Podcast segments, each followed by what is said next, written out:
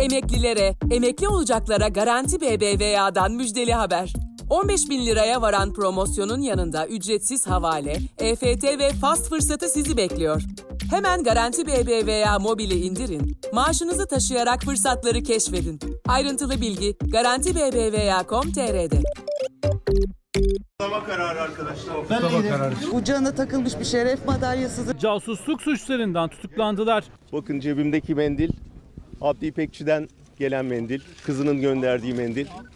Ee, bu meslek bu haberleri yayınlayabilmek adına basın özgürlüğü adına ölüm bedelleri ödedi. Bu haberi özel haber olarak yapan kişi de öyle zannediyorum ki bunun bedelini ağır ödeyecek. Öyle bırakmam onu. Ne yapıyorsun? Dur. Dur. Dur. Görecek, duyacak, bileceksiniz. Kısa Dalga Medya. Mahkeme Can Dündar'a gizli kalması gereken bilgileri casusluk maksadıyla temin etmek suçundan 18 yıl 9 ay, FETÖ'ye dahil olmamakla birlikte örgüte yardım suçlamasıyla da 8 yıl 9 ay hapis cezasına çarptırdı. Kontrast programının bugünkü konuğu 2016 yılından beri Türkiye'den uzakta Almanya'da sürgün hayatı yaşayan Cumhuriyet Gazetesi eski genel yayın yönetmeni gazeteci Can Dündar. Ee, özellikle son birkaç gündür sıra dışı bir yoğunluğunuz var ama yine de zaman ayırdınız. Programımıza konuk oldunuz. Teşekkür ediyorum öncelikle. Rica ederim. Ben teşekkür ederim davetiniz için. 27 yıl 6 ay hapis cezasına çarptırıldınız. Elbette sürpriz olmadı sizin için belki ama hani yine de bu karar açıklanana kadar e, küçük de olsa bir umudunuz var mıydı? Umut taşıyor muydunuz? Davaya ilişkin, verilecek hükme ilişkin? Yani sonuçta insan hani biliyorsunuz umuda yaslanma gereği duyuyor her koşulda. Sizin için nasıldı? Hayır yoktu doğrusu. Yani umudu yanlış yerlerde aramamak lazım. Ya böyle şeylerde e, hazırlıklı olmanın, psikolojik hazırlığın çok önemli olduğunu düşünüyorum ben. Hem siyaseten hem psikolojik olarak. Şöyle söyleyeyim ben Silivri'ye giderken de hazırdım. Yani o, o hazırlık sizi bir şekilde e, ayakta tutuyor, hayatta tutuyor. Yoksa onun yaratacağı hayal kırıklığıyla baş etmek çok daha zor. O yüzden de şunu biliyorsunuz, e, bir yola çıktınız, bu yolda her şey var. Yani bunun e, tarihte örnekleri var, sizin başınıza gelen, gelenler var, yakın arkadaşlarınızın yaşadıkları var. O yüzden burada çok şansa yer yok. Yani e, benim ben her zaman umut varım ama yanlış kişilerden değil. Evet. Peki e, bu karar sonrasında dünya basınından ya da dünya kamuoyundan nasıl tepkiler geldi? E, destek bulabildiniz mi? Ki gördüğüm kadarıyla bayağı bir e, konuşuldu, haberleri yapıldı, ses getirdi ama.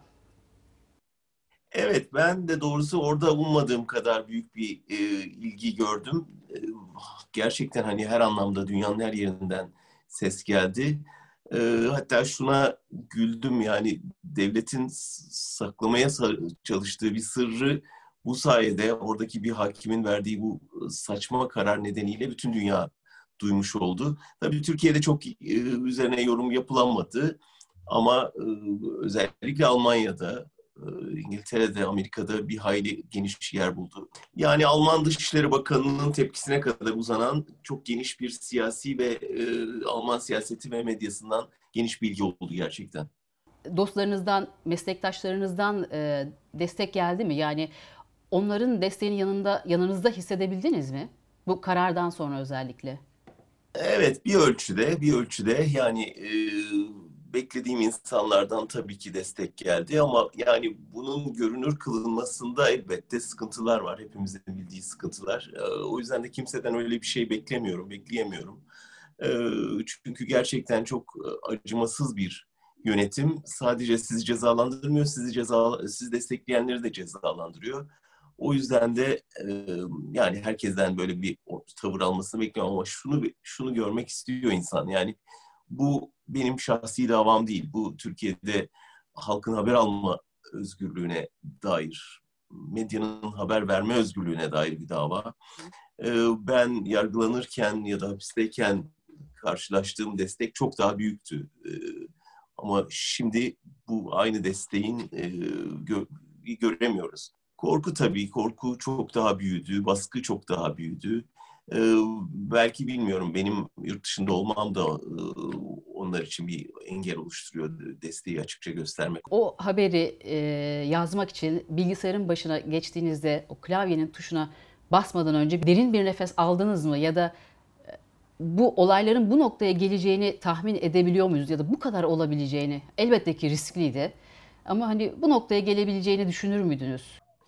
Yani biraz gazetecilik yapmış ya da kanına biraz gazetecilik bulaşmış herkes e, çok iyi anlayacaktır benim o haberi yazarken nasıl bütün bunlardan bağımsız olarak sadece e, büyük bir haber yakalamış olmanın heyecanını hissettiğimi. E, bir gazeteci için e, bütün bu hesapların e, yapılmaması gerektiğini düşünüyorum. Yani bunları hesaplamaya başladığınız zaman ne haber yazabilirsiniz, ne gazetecilik yapabilirsiniz. Ee, ya başıma ne gelir, bunun arkasından dava açılır mı, hayatım nasıl etkilenir? Elbette insanlar düşünüyor. Düşünmeyi de, düşünenleri de yadırgamıyorum ama gerçekten benim e, yazarken halen de e, bu, bu tür şeyleri düşünemiyorum. Yani gazetecilik refleksi bunların çok ötesinde ağır basıyor ve e, haberi verme iştahı e, bütün korkulara galebe çalıyor. Hükümet tepki gösterir ama ne yapar? Haberi yasaklar, soruşturma açar, belki gazeteyi toplatır. Ama hani bütün hayatımın alt üst olacağını elbette beklemiyorum. Ne yapıyorsun? Dur! Vatan Dur! Dur! Banka hesaplarınıza el konuldu, e, mallarınıza el konuldu, kredi kartlarınız iptal edildi, e, silahlı saldırıya uğradınız sonuç itibariyle. Sonra e, eşiniz e, Türkiye'den dışarı çıkamadı, bir anlamda rehin tutuldu. Yani hayatınızı tümden gerçekten değiştirdi. Peki hayatınızı değiştirmenin dışında hani dönüp baktığınızda bu haber toplumda neyi değiştirdi?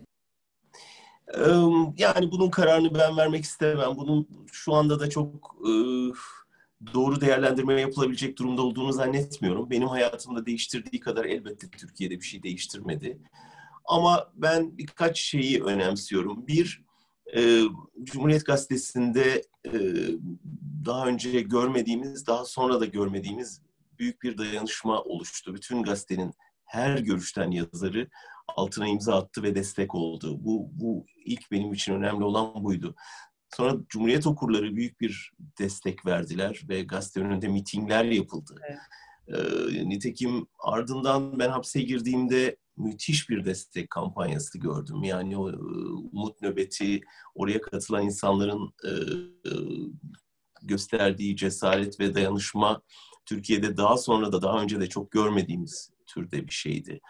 Dolayısıyla siyasi olarak bir şey değiştirdiğini söyleyemesem de toplumsal olarak e, gördüğüm şeyler çok önemliydi. Yani partiler üstü bir dayanışma gördüm. E, yani her gün ziyaretçi listemde en az 5 milletvekili vardı. Dolayısıyla meclisin hemen hemen büyük çoğunluğuyla tanışma fırsatı oldu, buldum Silivri'de. Ee, dünya basınının ilgisini çekebildik.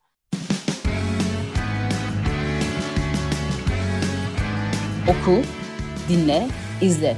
Kısa Dalga. Türkiye'de can güvenliğiniz yoktu ve o yüzden Almanya'da kalmaya karar verdiniz. Orada kendinizi nasıl hissediyorsunuz? Güvende hissediyor musunuz? E, bir de şunu şu yüzden de soruyorum. Ee, hani seçim sonuçlarından da anladığımız kadarıyla orada çok fazla hükümet yanlısı Türkiye'li vatandaş var. Hani bu yüzden de soruyorum. Orada e, güvende ve e, özgür hissediyor musunuz? Şöyle söyleyeyim. Yani Erdoğan gibi lider tarafından hedef gösterildiyseniz e, dünyanın her yerinde risk altındasınız. Bunu da görmek lazım. Bu da hazırlıkla ilgili bir şey. Yani e, burada sürprize yer yok. E, o yüzden gerçekçi olmak lazım. Dünyanın hiçbir yeri güvenli değil sizin için. E, ama bu koşulları yaşayan sadece ben değilim. Yani birçok insan bu koşullarda yaşıyor.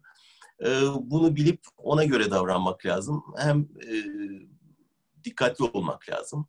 Hem de evet özgür hissediyorum kendimi. Çünkü istediğimi konuşabiliyorum, istediğimi yazabiliyorum bu sonuçları göze almakla ilgili bir şey. Yoksa önlem almakla ilgili bir şey değil. Elbette önlem almak doğru.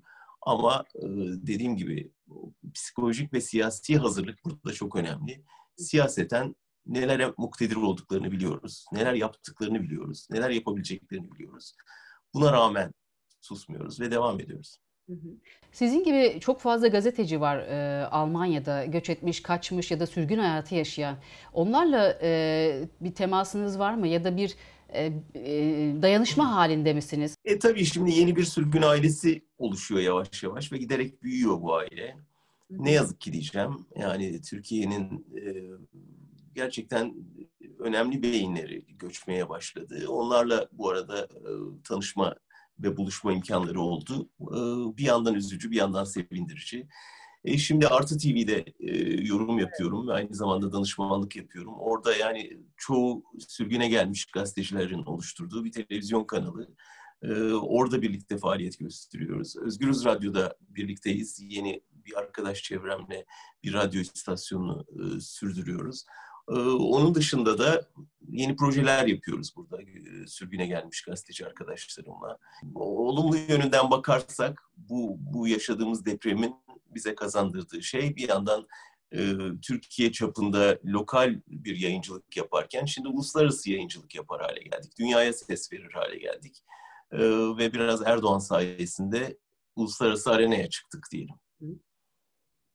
Bu, bu soruyu neden sordum hani bir arada mısınız diye bilmiyorum bu benim gözlemim de olabilir ama sanki herkes kendi hayatını yaşıyor. Kendi kabuğuna çekilmiş çok gazeteci var e, gibi de algılıyorum ya da e, öyle bir e, izlenimim gözlemim var o nedenle sordum hani. Yeterli olmadığını söyleyebilirim. Yani bu dayanışma şimdiye çok daha güçlü bir şeye dönüşebilirdi birlikteliği ama şöyle düşünün bu kısmen yeni bir şey. Yani sonuçta 3-5 yıldan söz ediyoruz.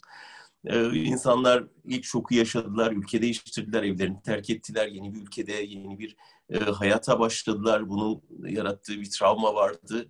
E, o, o dönemi yaşadık hep beraber. Yeni yeni birbirimizi görüyoruz. O karanlıkta e, el yordamıyla ve buluşup bir şeyler yapabilme süreci yeni başlıyor. O yüzden e, evet daha fazlası yapılabilirdi, hala yapılabilir ama yapılmayacak anlamına gelmiyor. E, bundan sonra daha çok duyacaksınız bu tür birliktelik e, arayışlarını. Peki sizin uyum süreciniz nasıl oldu? 2016 yılından beri oradasınız. İşte 5 yıl oluyor. Kolay oldu mu adapte olmak? Çünkü yani dili, kültürü, bütün sistemi bambaşka bir ülkeye gidiyorsunuz. Zor muydu? Ya da size kattıkları ne oldu? Bir şey itiraf edeyim. Benim Türkiye'ye adapte olmam çok zor oldu son 3-5 yılda Türkiye'de gördüğüm e, zulme, e, işte arkadan hançerlemeye, e, meslektaşlarımın birer birer hükümet, e, bazıları meslektaş dediğim insanların hükümet çizgisine girmesine, e, orada yaşadığım, medyadaki gördüğüm e, kirlenmeye, yozlaşmaya bakınca e, asıl adaptasyon sorunu hepimiz Türkiye'de yaşıyorduk. Ben ve benim gibi e, düşünen insanlar. Ee, buna karşın burada e, yani işte Alman gazetecilerle birlikte çalışıyorum geldiğimden beri. Ve gerçekten e, e, kendimi evde hissediyorum. Öyle söyleyeyim. Yani özgür basın ortamında soluk alıp vermek bir gazeteci için kaçınılmaz yani. Sizin hayat hayata tutunmanızın tek yolu özgür kalabilmek. Dolayısıyla işte Alman mutfağı şöyleymiş, Almanya'da iklim böyleymişin çok ötesinde bir şeyle yaşıyor, karşılaştık. Hava alabiliyoruz, nefes alabiliyoruz, konuşabiliyoruz, yazabiliyoruz. Bir gazeteci için e, evet güneşi biraz az görüyor, görüyoruz. Alman mutfağı da hiç e, parlak durumda değil. E, ben Almanca da bilmiyorum ama buna rağmen sözümün önünde bariyer yok. Ve konuşabiliyor olmak, özgürce konuşabilmiyor olmak bir insanın nefes alması kadar önemli ve ekmekten daha kıymetli şu anda. O yüzden hiçbir sorun yaşamadım diyebilirim.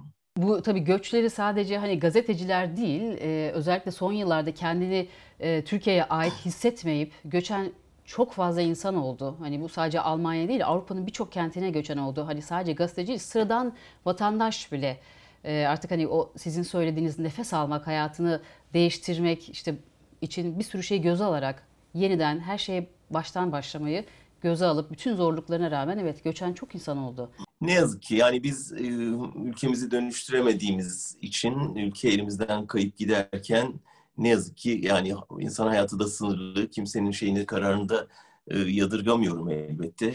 Ama benimki pek keyfimden değildi yani biraz e, koşulların zorlaması ve biraz e, neredeyse sadece özgürlüğümün değil hayatımın elinden alınması e, noktasına geldiği için e, idi e, ve eğer mesleğimi yapamayacak durumda olsaydım yine de göze almazdım ama şu anda yani kitap yazabiliyorum, belgesel çekebiliyorum. Bir gazetede, burada bir Alman gazetesinde yazıyorum. Bir Alman televizyonuyla çalışıyorum. Yani mesleğimi dolu dizgin nihayet uzun zaman sonra yapabildiğim için kendimi şanslı, mutlu ve e, iyi ki dediğim koşullarda hissediyorum. Ama öte yandan ülkemi özlemiyor muyum? Orada yapmak istemez miydim bütün bunları? Elbette. Ama bir yandan da işin bir de siyasi boyutu var. E, ne yazık ki sadece, ne yazık ki demek zorundayım. Yani sadece gazeteci olarak değil, şimdi e, bir yurttaş olarak da e, Türkiye için ne yapabilirsem, yani Türkiye'yi buraya buradakilere anlatmak, öte yandan buradan Türkiye'ye söylenmesi yasaklanan şeyleri söyleyebilmek gibi bir misyon da üstlendik. Dolayısıyla e, geçici bir dönem diye düşünüyorum ve bu geçici dönemin gereklerini yerine getirmek zorundayız. Mesleğinizi yapmaya e, hiç bırakmadınız zaten, ara vermediniz. E, hep çok yoğunsunuz. Türkiye gündemini çok yakından takip ediyorsunuz. Dediğiniz gibi radyo, özgür radyo var, e, artı var. Yazıyorsunuz, belgeseller yapıyorsunuz. Bir kitleniz e, e, oluştu mu orada? Evet yani bunu nereden ölçebilirim? Yani sonuçta ben bir odanın içinden e, bir karanlığa fikirler serpiyorum. Bir kalbe değiyor mu, bir beyne ulaşıyor mu? Bunu ancak işte hani YouTube'daki izlenme oranlarından, radyonun ulaştığı insanların kulak verip vermediğinden, bana gelen tepkilerden ölçebiliyorum ki bu bir şey bir yerlere, bir kalbe değdiğini gösteriyor. Ona da çok seviniyorum. Ne kadar çıkan aykırı ses azalırsa bizim sesimize duyulan, verilen kıymet o kadar artıyor. Bu doğal olarak yani. Ve şöyle bir sıkıntı var tabii. Burada olmak, sözünü rahat söyleyebiliyor olmak size aynı zamanda bir sorumluluk yüklüyor. Yani böyle bir e, imkanın varsa susmamalısın. E, orada bir baskı ortamı varsa, insanlar e, susturuluyorsa senin daha çok e, konuşman, daha gür sesle konuşman gerekir gibi bir manzara çıkıyor ortaya.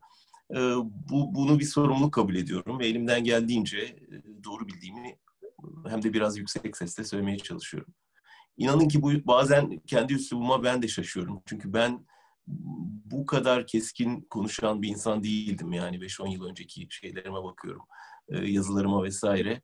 Yazılarınıza, ee, Türkiye, kitaplarınıza yaptığınız Yani daha daha daha şeydim, e, daha diyaloğa açık, daha uzlaşmaya açık, daha e, sözünü çok keskin sözcüklere dökmeden e, anlatan biriydim. E, ama e, karşınızda öyle bir zalim e, üstünüze gelen bir şey var ki elbette hem de arkadaşlarınız rehin alınmış, insanların hayatına kastediliyor. Burada ne yazık ki siz de kaleminizi yontmak zorunda kalıyorsunuz. Peki bu haksızlığa uğramışlık duygusu, bu sizi nasıl hani dediniz ya üslubum bile değişti. Onunla nasıl baş edebiliyorsunuz? Ya da hani öfkeleniyor musunuz zaman? Yazarak, yazarak, tabii yazarak, söyleyerek yani. Ee, çok şükür ki böyle bir şey var. Yani birçok insan haksızlığa uğruyor Türkiye'de ama kendini ifade edemiyor. Ya hapiste ya mezarda bu insanlar, ya kaçırıldılar, ya baskı altındalar, ya sabah beşte evlerinin basılacağından korkuyorlar. Çok haklı olarak. Ee, ama e, yani burada artık e, bize düşen onlar adına da konuşmak, onların diyemediğini demek, onlar adına da ses vermek. E, bunu bir sorumluluk olarak görüyorum. Kaç kişinin umurunda önemli değil ama ben vicdanen e, evet ya bugün en azından birinin e, vermesi gereken sesi vermeye çalıştım diye o, onun vicdan e, azabını yaşamak istemiyorum. Tersine vicdan huzurunu yaşamak istiyorum.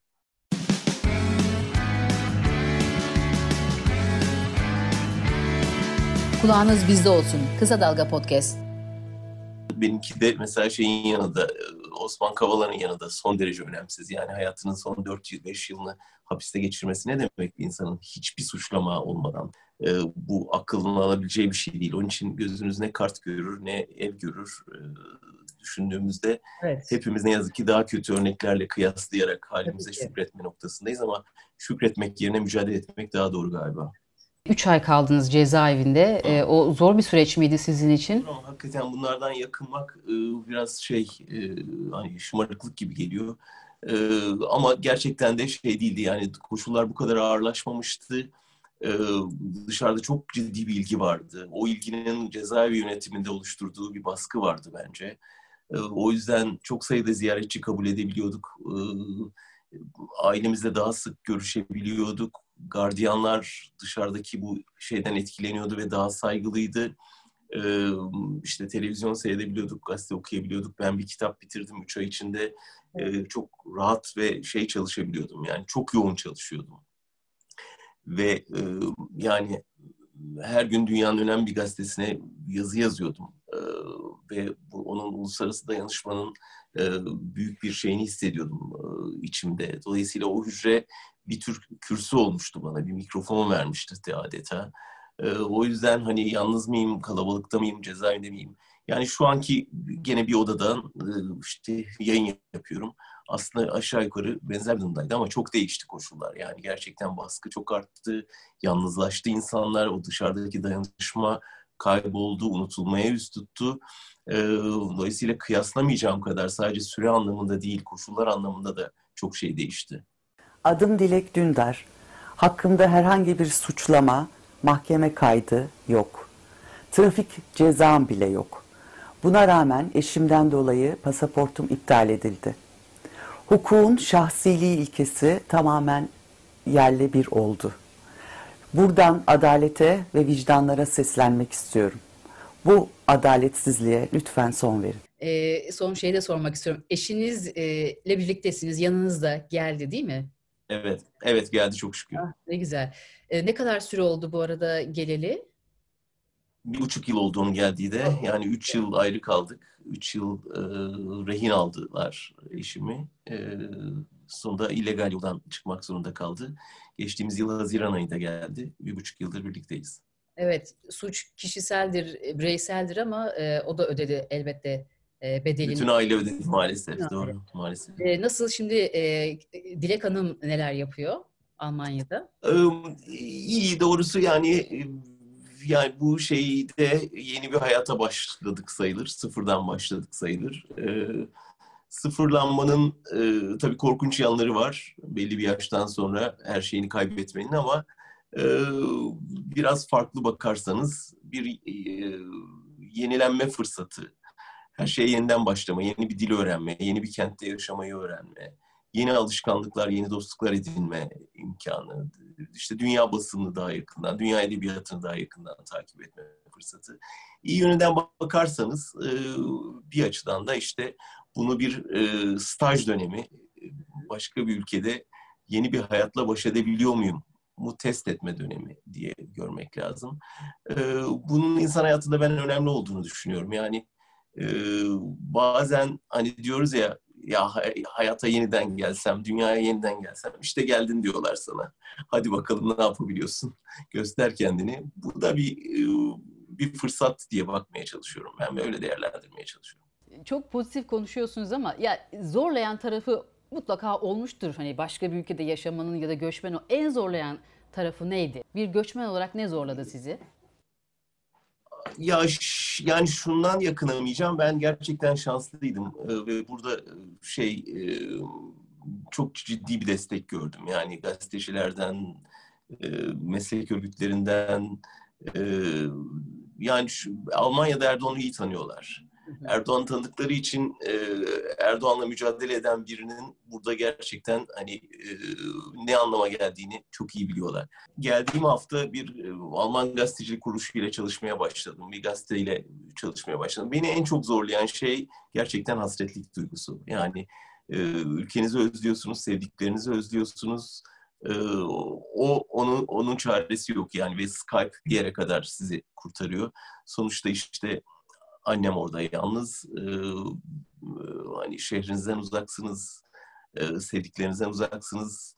E, yani işte deniz kokusu, güneş e, ve en önemlisi yani o kültürel olarak e, hep içinden çıktığınız şeyi çok özlüyorsunuz. O, ona ona bir çare yok ne yazık ki. O yüzden benim buradaki koşullarımdan ziyade, burada bulduğum koşullardan ziyade orada yitirdiğim şeylerin hasreti beni daha çok zorluyor. Ee, onun da çok uzak, uzak uzun sürmeyeceği umudu beni ayakta tutuyor. Umuyorum, umuyorum en kısa zamanda e, koşullar değişir sizin için ve birçok kişi için. Can Dündar olarak e, Almanya'da yaşamanız bu bir avantaj oldu aslında sizin için. Aynı zamanda. Ben bir avantaja çevirmeye çalıştım ve şu anda kişisel olarak öyle hissediyorum. Yani e, hiçbir zaman aklıma gelmezdi ki işte e, Almanca bir kitap yazacağım. E, şu anda Almanca bir kitabım var. Yani e, ne içinde yazdığını anlamıyorum ama tahmin edebiliyorum. Çevir, çeviri bir kitap çünkü. E, bir Alman gazetesinde yazı yazıyorum. Kendim okuyamadığım bir gazetede yazılarım yayınlanıyor. E, e, bunlar yani bir kısmı gerçekten hayal bile edemeyeceğim şeylerdi ve mümkün oldu. Ee, Şubat ayında burada bir sergi açacağız. Ee, yine Türkiye ile ilgili ve göreceksiniz yani çok büyük yankısı olacak burada. Ee, sonra Nisan'da yeni bir kitabım çıkacak. Yani bu buradaki çalışma e, tempomu Türkiye'de imkanı yok bulamazdım. Yani birçok nedenle. Dolayısıyla bir tür e, hani hapishane koşulları gibi o zor koşullar sizi daha çok üretmeye zorluyor.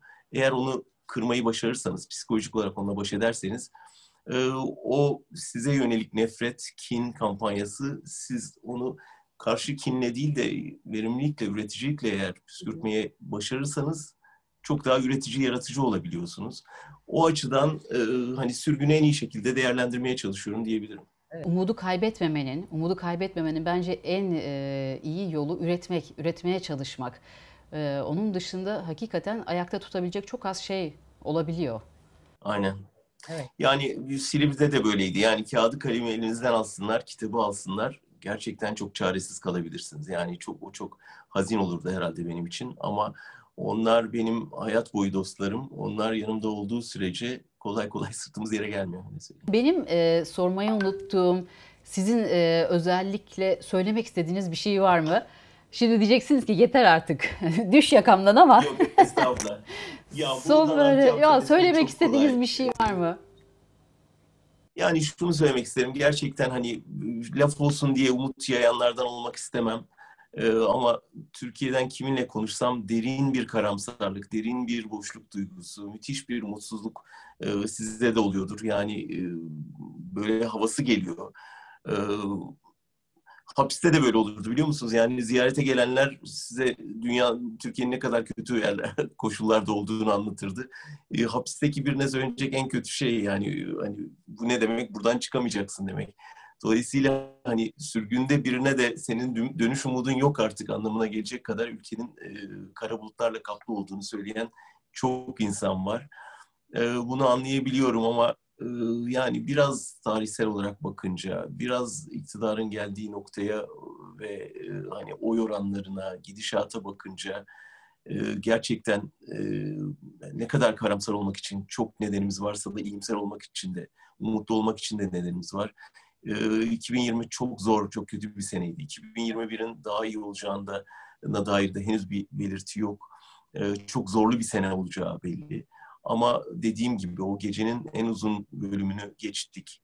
Ee, ve en uzun geceyi atlattık geçen hafta. Evet. Ee, bundan sonra gece kısalacak ve giderek e, havanın ışımaya başladığını göreceğiz. Ondan kimsenin şüphesi olmasın.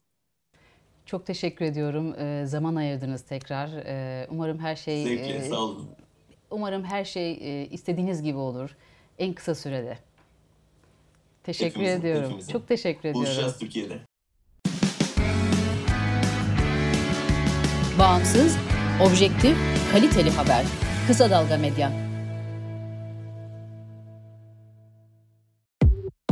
Emeklilere, emekli olacaklara Garanti BBVA'dan müjdeli haber. 15 bin liraya varan promosyonun yanında ücretsiz havale, EFT ve fast fırsatı sizi bekliyor. Hemen Garanti BBVA mobili indirin, maaşınızı taşıyarak fırsatları keşfedin. Ayrıntılı bilgi Garanti BBVA.com.tr'de.